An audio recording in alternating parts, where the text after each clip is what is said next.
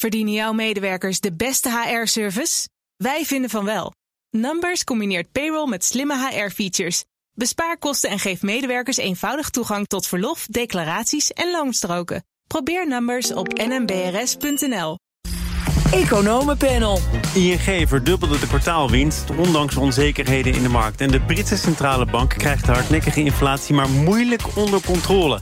Dat en meer bespreek ik met het Economenpanel. En daarin zitten vandaag Helene Mees, econoom, auteur en columnist bij de Volkskrant onder andere. En Luc Abe, hoofdeconoom bij Van Landschot Kempen. Goed dat je er bent. Jullie er zijn vooral. Dag Thomas.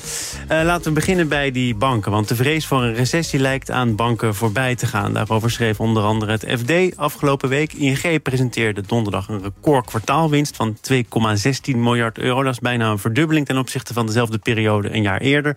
Luc, is het heel simpel. De rente gaat omhoog. Banken profiteren? Dat speelt, uh, dat speelt zeker mee. Nu, je ziet niet alleen bij ING, je ziet breed in het uh, bankenlandschap resultaten uh, van het tweede kwartaal. Ja, en die, die vielen best mee. En dat is een beetje, denk ik, gewoon een weerspiegeling van het economisch plaatje dat alles in acht genomen nog best is meegevallen de voorbije maanden. Ik herinner me zeven, acht, negen maanden terug. Toen uh, voorspelde iedereen een recessie. Ja, ondertussen is het een Godot-recessie geworden. Hij komt maar niet. Ja. Uh, en het is allemaal niet om de Polonaise van te dansen, dat economisch momentum. Maar ja, tot nu toe ja, een stagnatie, laat ons zeggen. En dat zie je ook in die bankencijfers. Het had een stuk slechter gekund. Maar het weerspiegelt natuurlijk ook het feit dat de banken uh, wel de hogere re rente doorrekenen op leningen die ze uit hebben staan. Maar niet dat uh, uitbetalen aan spaarders die een tegoed op de bank hebben staan. Dus ik vraag me af, waar blijf je, ING?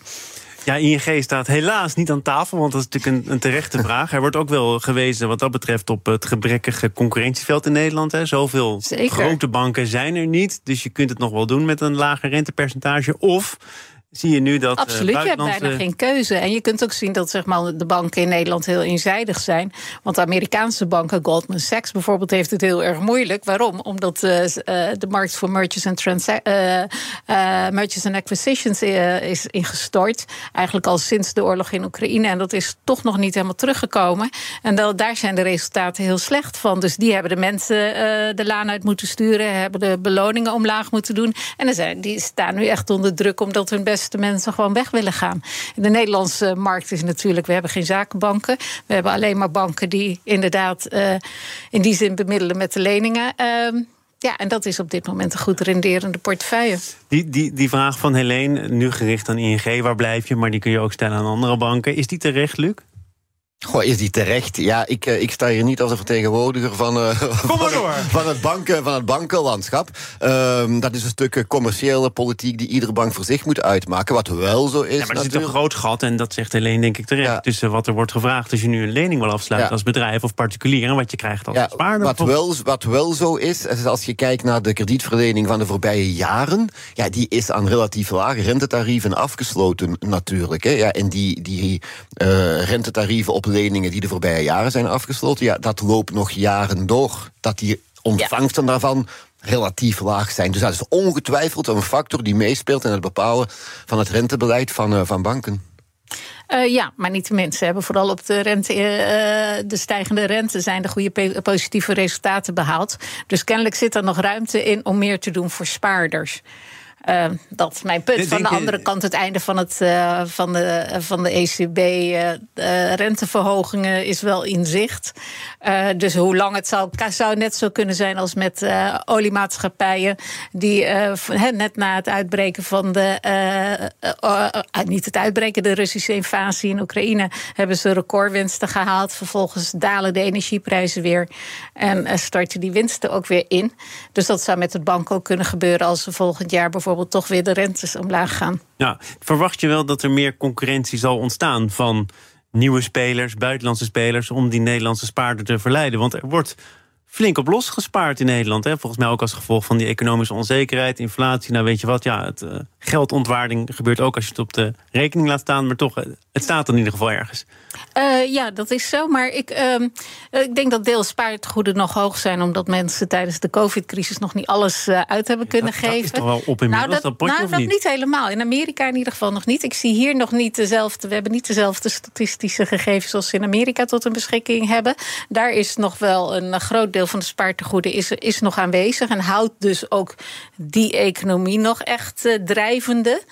Um, dus uh, eens even kijken. Maar je zou willen dat er meer concurrentie komt. Maar natuurlijk door de financiële crisis zijn er ook veel hogere eisen gesteld. En dat zie je eigenlijk met de bankencrisis in Amerika ook. Hè, met die Silicon Valley Bank. Ja, dan wordt het eigenlijk wordt de concentratie, de, de machtsconcentratie wordt steeds groter. Ja, en eisen doet mij ook denken aan IJsland. We hebben daar uh, net voor de financiële crisis, hè, waren er ook wel wat attractieve, op het eerste zicht ja. attractieve voorstellen. Dus uh, ja, misschien komt er meer concurrentie. Maar ik zou de spaarder toch aanraden om uh, even goed te kleine letters ook te lezen. Ja, goed, maar dat betekent dat die spaarder toch is aangewezen op die, als je het heel erg zou beperken, drie grote Nederlandse banken.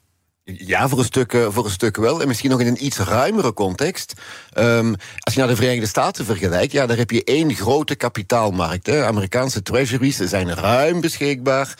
Uh, die zijn voor alle Amerikanen onder dezelfde voorwaarden uh, beschikbaar enzovoort. In Europa ja, heb je nog niet echt één kapitaalmarkt. Dus ja, misschien is dat een, een stimulans of een argumentje om daar ook, of een bijkomend argument om daar, om daar werk van te maken. Zodanig dat er eigenlijk voor die spaarsector vanuit die die hoek ook een stuk concurrentie komt. Wat je onder andere in de VS, uh, in de VS ziet. Ja, dus dat zou kunnen, maar dat is natuurlijk, zit ook een pleidooi in voor het zeg maar, gemeenschappelijk financieren van de schulden van de lidstaten. Precies. Wat ook weer een andere politieke discussie is.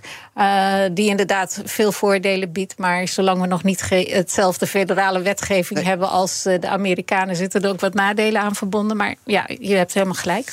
Goed. Heel even terug naar, uh, naar wat de ING-topman Steven van Rijswijk eerder zei op BNR in het programma De Ochtendspits omtrent de onzekerheden in de markt. Laten we wel wezen, er zijn nog steeds economische omstandigheden die niet per se heel goed te noemen zijn. Er is ook aanhoudende onrust op geopolitiek gebied. En de inflatie is nog steeds hoog, alhoewel wel wat lager dan de vorige kwartalen. En iets verderop zegt hij dat die overheid, de overheidssteun een van de voornaamste redenen is dat de economie blijft draaien zoals die nu draait. Uh, waarvan de missionair minister Kaag al een tijdje geleden heeft gezegd: Nou, ergens gaan we de kraan wel dichtdraaien. Geld is niet meer voor iedereen altijd beschikbaar. Hoe houdbaar is dat nog als je zegt: ja, een van die hulpmotoren is die overheid die maar blijft steunen?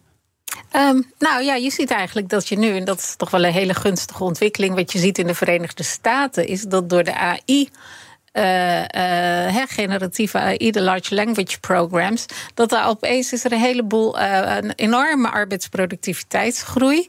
Natuurlijk heeft Amerika het voordeel dat zij de grote techbedrijven hebben. Daarin, nou, Nederland mag zich nog troosten met ASML en de zusterbedrijven, maar de rest van Europa heeft het daar enorm laten liggen. Um, Arbeidsproductiviteit in Nederland staat volgens mij al jaren onder druk. Ja, maar die zou nu ook weer een boost kunnen krijgen. Dus want je ziet ook door, door het van Biden, door Bidenomics, uh, dat, dat ook de, uh, zeg maar de productiecapaciteit van de Amerikaanse economie aan het toenemen is. Wat dus heel erg goed nieuws is. Want dat is de manier waarop je op de langere termijn uh, economische groei realiseert. Dus wat jammer is geweest, is dat, maar voor een deel wel verklaarbaar is dat het kabinet, met name na de oorlog in na, na de Russische invasie in Oekraïne. Dat ze mensen gerust hebben willen stellen ten aanzien van de energieprijzen. Uh, maar dat, daar moet nu een einde aankomen. In die zin worden de begrotingsbesprekingen einde deze maand worden heel erg belangrijk. Hoe gaan de lasten verdeeld worden? Uh, en ik zou het kabinet dan uh, adviseren om bovenaan de hoge inkomens zwaarder te belasten, de lagere inkomens tegemoet te komen. Want dan hou je zonder dat de begrotingstekorten verder op hoeven te lopen, dan hou je veel spending power in je economie. Uh, en de zeg maar, mensen die meer geld hebben, die gaan het, blijven het toch sparen of geven het uit in het buitenland. En kun je twee dingen met elkaar combineren. Een explosie van arbeidsproductiviteit, in ieder geval in uh, Amerika ik zei. Ja, explosie. Nou, het gaat beter. Gaat, ja. beter, ja, goed. Grote woorden meteen. Uh, uh, die ik ook gebruikte voor Nederland. Toen ik zei, nou, dat staat in Nederland al jaren ter discussie. Ik zag jou een beetje aarzelen. Ik dacht dat die arbeidsproductiviteit wel achterbleef. Ja, nee, die blijft achter. En niet alleen in Nederland trouwens. Hè. Dat zie je in heel de, in alle ontwikkelde markten eigenlijk. Hè. En de hoop is natuurlijk met iets als, uh, als AI, wat Helene al, al vermeldde, dat dat een boost gaat krijgen. Ja, we zullen zien. Hè. Als je kijkt naar uh, innovaties uit het verleden. En dan kan je teruggaan zelf tot de introductie van de elektriciteit, hè, 200 of zoiets jaar geleden. Dat duurt even voordat één geïmplementeerd wordt, of geaccepteerd, dan geïmplementeerd en dan effect heeft. Hè. En AI lijkt veelbelovend, lijkt een nieuwe killer-applicatie te kunnen worden, net zoals de introductie van de ICT in, uh, in de jaren 90, uh, laat ons zeggen. Um, maar de proof of the pudding is in die eating. En ja, de pudding wordt op dit moment bereid. Hij is nog lang niet op tafel. Van Rijswijk heeft het dus ook, zoals gezegd, over die uh, overheidsondersteuning. Uh, die ervoor zorgt dat het allemaal nog uh, gaat zoals het gaat. Mm -hmm. Uh, ja, dat is natuurlijk uh, een wankele ondergrond. Niet houdbaar. Nee. nee dat, is, dat is gewoon niet houdbaar. En dat is een, uh, een teken des tijds. En het was zelfs voor corona al zo. Um, ja, dat er steeds meer beroep wordt gedaan op de overheid. Van help ons, steun ons. Dat kan inderdaad in uitzonderlijke omstandigheden. Maar is gewoon niet houdbaar. Zeker niet als je het combineert met de grootste plannen die, die heel veel overheden hebben. Hè. Uh, is, is in, in, in, in de VS al vernoemd, maar je hebt het ook in Europa. Hè, om defensieredenen, om, om technologische Milieu. redenen, Laat om milieuredenen. Het is gewoon niet houdbaar. En de vraag is ook. In welke mate al die honderden miljarden die er nu tegenaan worden gegooid, en in de Verenigde Staten en in Europa, ja, hoe efficiënt, hoe doeltreffend is dat? Overheden kunnen geen nationale of economische kampioenen creëren. En het is natuurlijk ook niet bepaald inflatiedempend. Het is niet inflatiedempend. Uh, dus ja, en we moeten gaan kijken. Die, ja, die overheden die gooien er honderden miljarden tegenaan. Wat een overheid, denk ik, moet doen, is een kader creëren. waarbinnen bepaalde prikkels kunnen zitten. Volledig eens. Maar we zullen zien of die honderden miljarden. die dan ook nog eens inderdaad inflatie ondersteunend zijn. in welke mate dat die gaan leiden Ziet tot een economie dat er in- die efficiënt In. Europa was het toch heel duidelijk ook een reactie op Biden. Want Absoluut. als Biden komt met een groot plan om Ja. de Amerikaanse economie te stimuleren, dan kunnen wij in Europa Nee, toch niet Wat ook wel wat vreemd is. Hè? Want het is, het is natuurlijk een stimuluspakket dat, eh, dat Biden heeft uitgerold. Verpakt onder een energietransitie-labeltje. En de Eh, Inflation Reduction Act, hè? werd Ja, dat- En, en, Ja. het, was, het was een marketingverhaal ongelooflijk. Nee, Eh, nee, eh, maar dat, nu blijkt wel, want nu voor het eerst zie je dat, dat, dat de, eh, hè, de productiecapaciteit van de Amerikaanse economie omhoog gaat. Wat een inflatiedempend effect. Het is misschien, treedt misschien niet meteen. Ja, het gaat werken. Eh 3 procent, hè, daar zijn, kunnen wij nog een puntje aan zuigen hier in Europa. Eh, was afgelopen maand eh, de inflatie year on year in de Verenigde Staten. Zover zijn wij nog niet. maar denk je al dat, dat die investeringen van het IRA... dat die al productieverhogend hebben gewerkt... en daardoor de inflatie... Nou, dat er wel capaciteit, dat, dat is wel wat er als verklaring werd gegeven. Maar in ieder Door geval, Biden. ik denk dat het heel. Nee, maar niet door Biden zelf. Nee, door economen, door Amerikaanse economen. Ik denk zelfs door eh Mohammed El Erian. Dus Oké. eh, Ja, jij vindt, jij vindt dat is niet de minste. om te zeggen dat dat de vruchten zijn van het, Het, beleid het van lijkt Biden. mij, het lijkt mij voorbarig. Ja. Ja, ik denk dat Ja, maar die productiecapaciteit is inderdaad de hoogte ingegaan. Maar ik denk dat dat vooral te maken heeft met die, die zogenaamde disrupties in productie en aanvoerketens. In de Verenigde Staten gaat alles iets sneller dan hier in Europa. Oh, Oké, ja. Nou, dan gaan we maar snel naar eh, het Verenigd Koninkrijk, waar zaken wat langzamer gaan dan hier in Europa. Ja. BNR Nieuwsradio.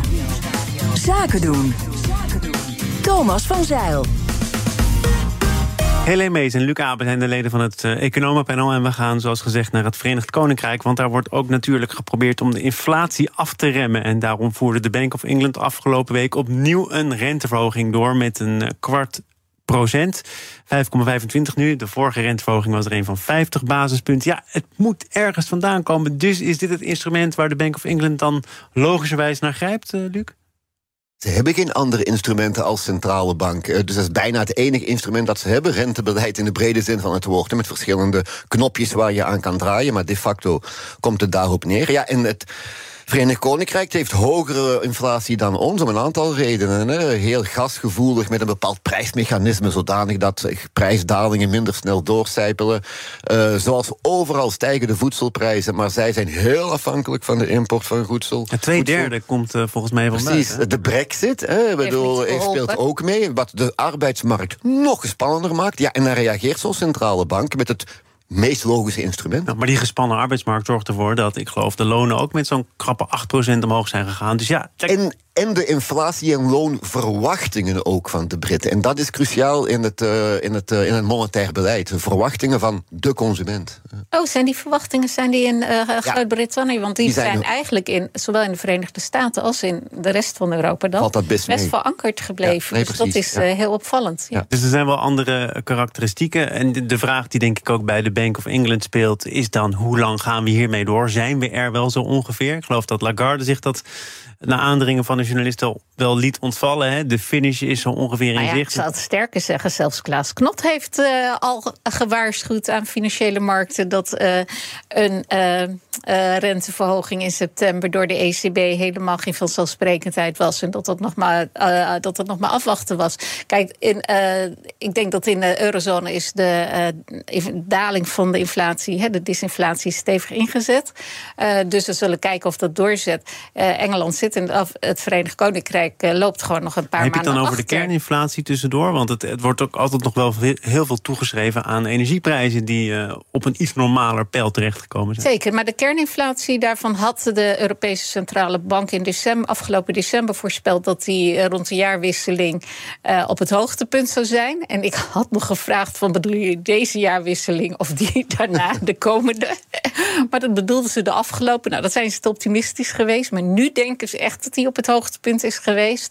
En dat ook die daling inzet. Maar ja, je zult zien, er is nu op dit moment met die graanproductie. We zien allemaal wat er aan de hand is met het weer. Waardoor de rijstproductie onder, uh, de graanproductie, alles staat onder druk. Dus die voedselprijzen, die, die kunnen nog verder stijgen. De andere kant lijkt het erop dat er uh, zeg maar in de pijplijnen veel producten en zo zitten. Dus dat er qua goederen en dergelijke weer kans is dat er veel meer prijsdalingen komen. Dus ik ben optimistisch. Maar uh, dat de inflatiedaling doorzet. Ik denk wel dat centrale banken erop moeten letten dat ze niet heel overhaast. Uh, weer die 2% willen bereiken. Dat ze zich moeten realiseren dat de uh, wereldeconomie dat we onder bijzondere omstandigheden leven. En dat zolang die dalende lijn inzet. Het niet nodig is om de rente zodanig te verhogen dat de economie helemaal, zeg maar. Uh, in de, in maar die economie is, is in dat hebben we volgens mij net moeten geduwd. concluderen. Die, die economie is niet kapot te krijgen.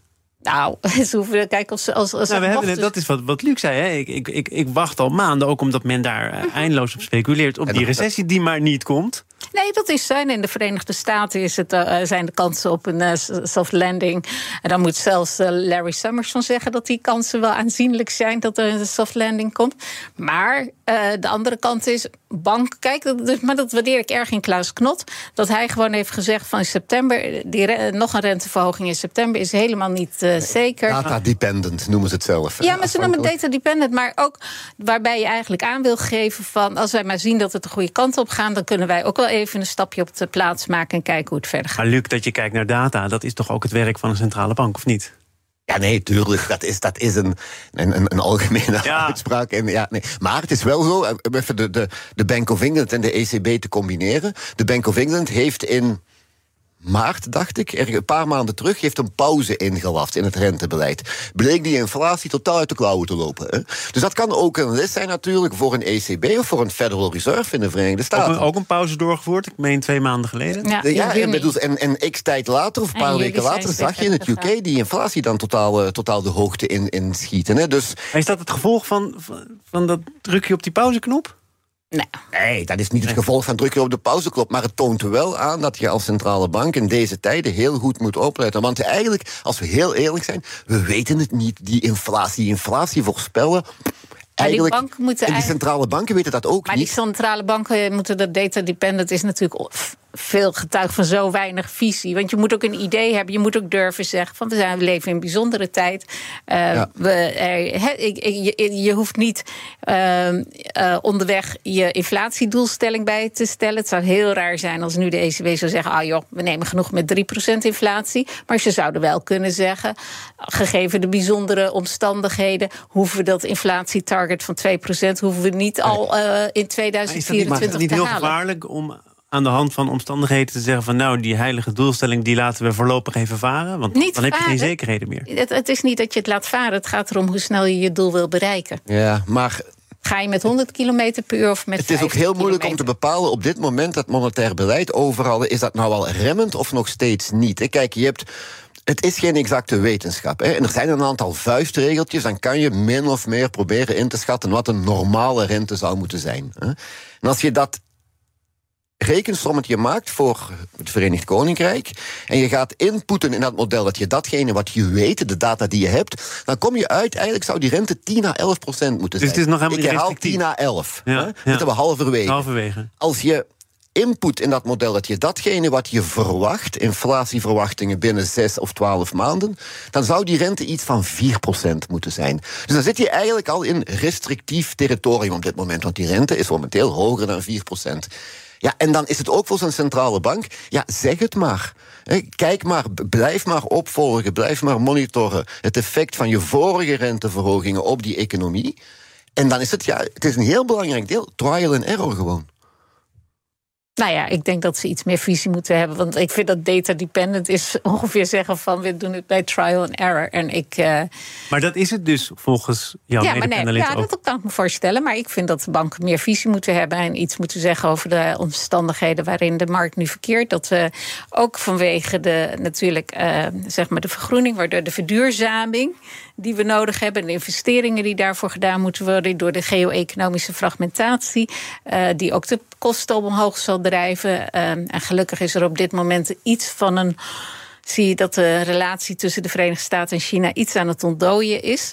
Ehm, en door de oorlog in Oekraïne, dat daar de prijzen iets hoger zijn dan we normaal gewend zijn. En dat ze eh, echt er, bovenop blijven zitten. Maar dat we niet met een knevel en een knoet die hele economie ten gronde richten. om die 2% maar eh, Nee, nee, volledig eens. ja. te behalen. Er is nu overigens wel een, eh, een, een vet bestuurslid dat ik meen vandaag of vannacht heeft gezegd. Nou, eh, ook kijkende naar data, daar zijn ze weer. Eh, ja, misschien is een volgende renteverhoging toch nog niet zo'n gek idee. Dus dat, dat eindspel laat ook op zich Je hebt wachten. permanent van die commentaren. hè. En je hebt ook binnen zo'n zo'n zo'n bestuur van zo'n centrale bank... heb je duiven en haviken. Ja, maar ja, Knot was toch ook een havik die plotseling uh, simsalabim als een duif uit de hoed komt. Nu? Dat, ja, nee, nee, het zou kunnen, ja, ja data dependent. Data dependent. We gaan naar eh, heel veel data die het eh, Centraal Bureau voor de Statistiek heeft gebruikt om iets te kunnen zeggen over de brede welvaart. Want de regionale welvaart staat lang niet altijd in verband met het bruto binnenlands product, blijkt uit hun laatste onderzoek naar brede welvaart. Ik vraag het even aan eh, nou, een man die ook veel kijkt naar cijfers. Ehm, brede welvaart, is dat een begrip waar jij als econoom mee uit de voeten kunt? Geluk. Eh, i- Hoe dichtbij is het voetbalveld? Is er een café op de hoek? eh, ja, dichtbij en antwoord is ja in mijn geval. Ehm, ja, je, je kijkt daar naar omdat je probeert ja, één, je korte termijn eh, projecties te maken. Twee, je probeert ook structureel vooruit te kijken. Op lange termijn, eh, waar gaan we naartoe? En dan speelt dat soort zaken speelt mee. Maar het is heel moeilijk in mijn ogen onmogelijk om dat allemaal in één cijfer, in één concept te vatten. En er is heel veel kritiek op het bruto binnenlands product cijfer, want dat neemt een aantal zaken niet mee. Denk aan externe milieukosten, om er iets heel uh, actueel uh, te, te, vernoemen. Dus dat klopt allemaal, maar het is heel moeilijk om al die brede indicatoren in één cijfer te nou, vatten. Er zijn wel veertig indicatoren die mee zijn genomen, ja. waaronder dus bijvoorbeeld die milieu-impact. Ja. Want als je kijkt naar het BBP per hoofd van de bevolking, dan zou de regio Groot-Rijnmond daar eh, met vlag en wimpel bovenaan moeten staan. Maar daar heb je bijvoorbeeld inderdaad een minder vrij besteedbaar inkomen en die impact van het milieu. En de conclusie is dus ook dat mensen in Friesland, meen ik, waar aanzienlijk minder wordt verdiend per hoofd van de bevolking, dat mensen daar toch gelukkiger ja. zijn, tevredener ja, zijn. Meer in, het, meer in het algemeen is mijn voorstel: hou gewoon dat cijfermatig enge, die cijfermatig koude, kille benadering van dat BBP. Maar maak er een ja, kader rond wet en regelgeving, zodanig dat dat BNP, BBP niet enkel kwantitatief is, maar ook op een kwalitatieve manier bereikt wordt. Nou ja, maar ik, wat, wat, ik, wat ik heel belangrijk vind in dit onderzoek... jammer genoeg gaat het alleen maar over, de uh, over Friesland en uh, de regio Rijnmond. Ja, dat is, ook, dat is ook hoe het CBS dat natuurlijk naar voren heeft gebracht. Ja, om nee, die natuurlijk, om die twee te vergelijken. Maar ik ben ook wel geïnteresseerd hoe het met de welvaart, uh, brede welvaart... in bijvoorbeeld Groningen gaat. Want het geeft ook een hele een belangrijk idee over discussies... over hoe moeten we herverdelen naar provincies toe. He, bijvoorbeeld nu is er helemaal de discussie in Nederland... dat er een groot stuk... Oh, dat er een hoogsnelheidslijn naar Groningen moet om ze te compenseren voor het ellendige bestaan dat ze hebben. Maar als het nu blijkt dat hoewel het BBP in Groningen lager is, terwijl uh, hun uh, brede welvaart hoger is, dan hoeven we daar dus een hoge snelheidslijn, wat sowieso een heel slecht idee is, want echt helemaal niet rendabel. Maar je bedoelt die lelielijn of bedoel je iets anders? Hm? Bedoel je nou die eeuwige lelielijn of bedoel je weer een Ja, het andere? zal de lelielijn of ja, oké, nee, omdat er al van, van voor de Tweede Wereldoorlog Ja. over gesproken wordt. Nee, maar Serieus? bijvoorbeeld in Friesland ligt er gewoon een stuk snelweg waar niemand gebruik van maakt, een stuk asfalt. En dat was alleen maar omdat de provincies gecompenseerd moesten worden. Want die moesten net zoveel in geïnvesteerd worden. Dat zie je ook bijvoorbeeld eh, op, op andere gebieden. En ik, ik denk dat als je weet dat. eh, Misschien in BBP gemeten de welvaart in Amsterdam groter is of in Rijnmond.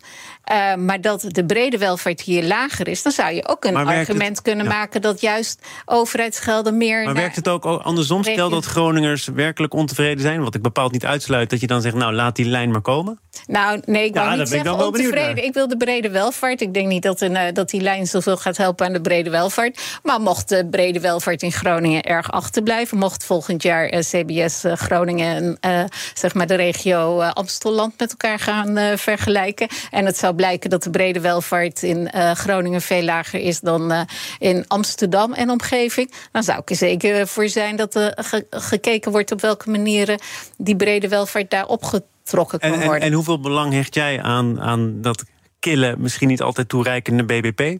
Ik hecht eh, veel belang aan het eh, BBP, maar ik denk dat het, eh, de studie van het CBS een hele goede kanttekening plaatst. Is dat het hoge BBP in Amsterdam bijvoorbeeld, dat noem ik maar even, maar ook in andere delen, eigenlijk niet zoveel voorstelt als je bijvoorbeeld geen woning kunt vinden, geen betaalbare woning. En ik denk dat iedereen die in Amsterdam en omgeving naar een woning heeft gezocht, weet waar ik het over heb. Ja, dat betekent dus dat je een heel duidelijk onderscheid moet maken tussen dat BBP en het daadwerkelijk besteedbare inkomen en wat je ermee kunt.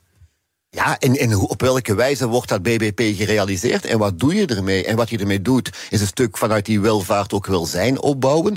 Maar dat is ook een stuk een subjectieve, subjectieve parameter. Hè? Wat voor die ene eh, welzijn is, is voor de andere niet. Dus dan kom je al heel snel terecht bij een stuk ja, ideologische discussies, politiek. En je hebt een bepaald verdienmodel, daar heb je geld. En hoe ga je het dan verdelen om het welzijn op te bouwen? Dan zit je heel snel op het eh, domein van eh, de politiek. Nou, maar daar gaan we niet aan beginnen hier. Ik dank jullie voor jullie aanwezigheid. Luc Abe, hoofdeconoom bij Van Landschot Kempen... en Helene Mees, econoom, auteur en columnist van de Volkskrant. Tot snel hopelijk weer. Dit panel is trouwens ook te beluisteren als podcast. Abonneer je even via je favoriete kanaal of de BNR-app. Zometeen gaat het over on- Verdienen jouw medewerkers de beste HR-service? Wij vinden van wel. Numbers combineert payroll met slimme HR-features. Bespaar kosten en geef medewerkers eenvoudig toegang tot verlof, declaraties en loonstroken. Probeer Numbers op nmbrs.nl.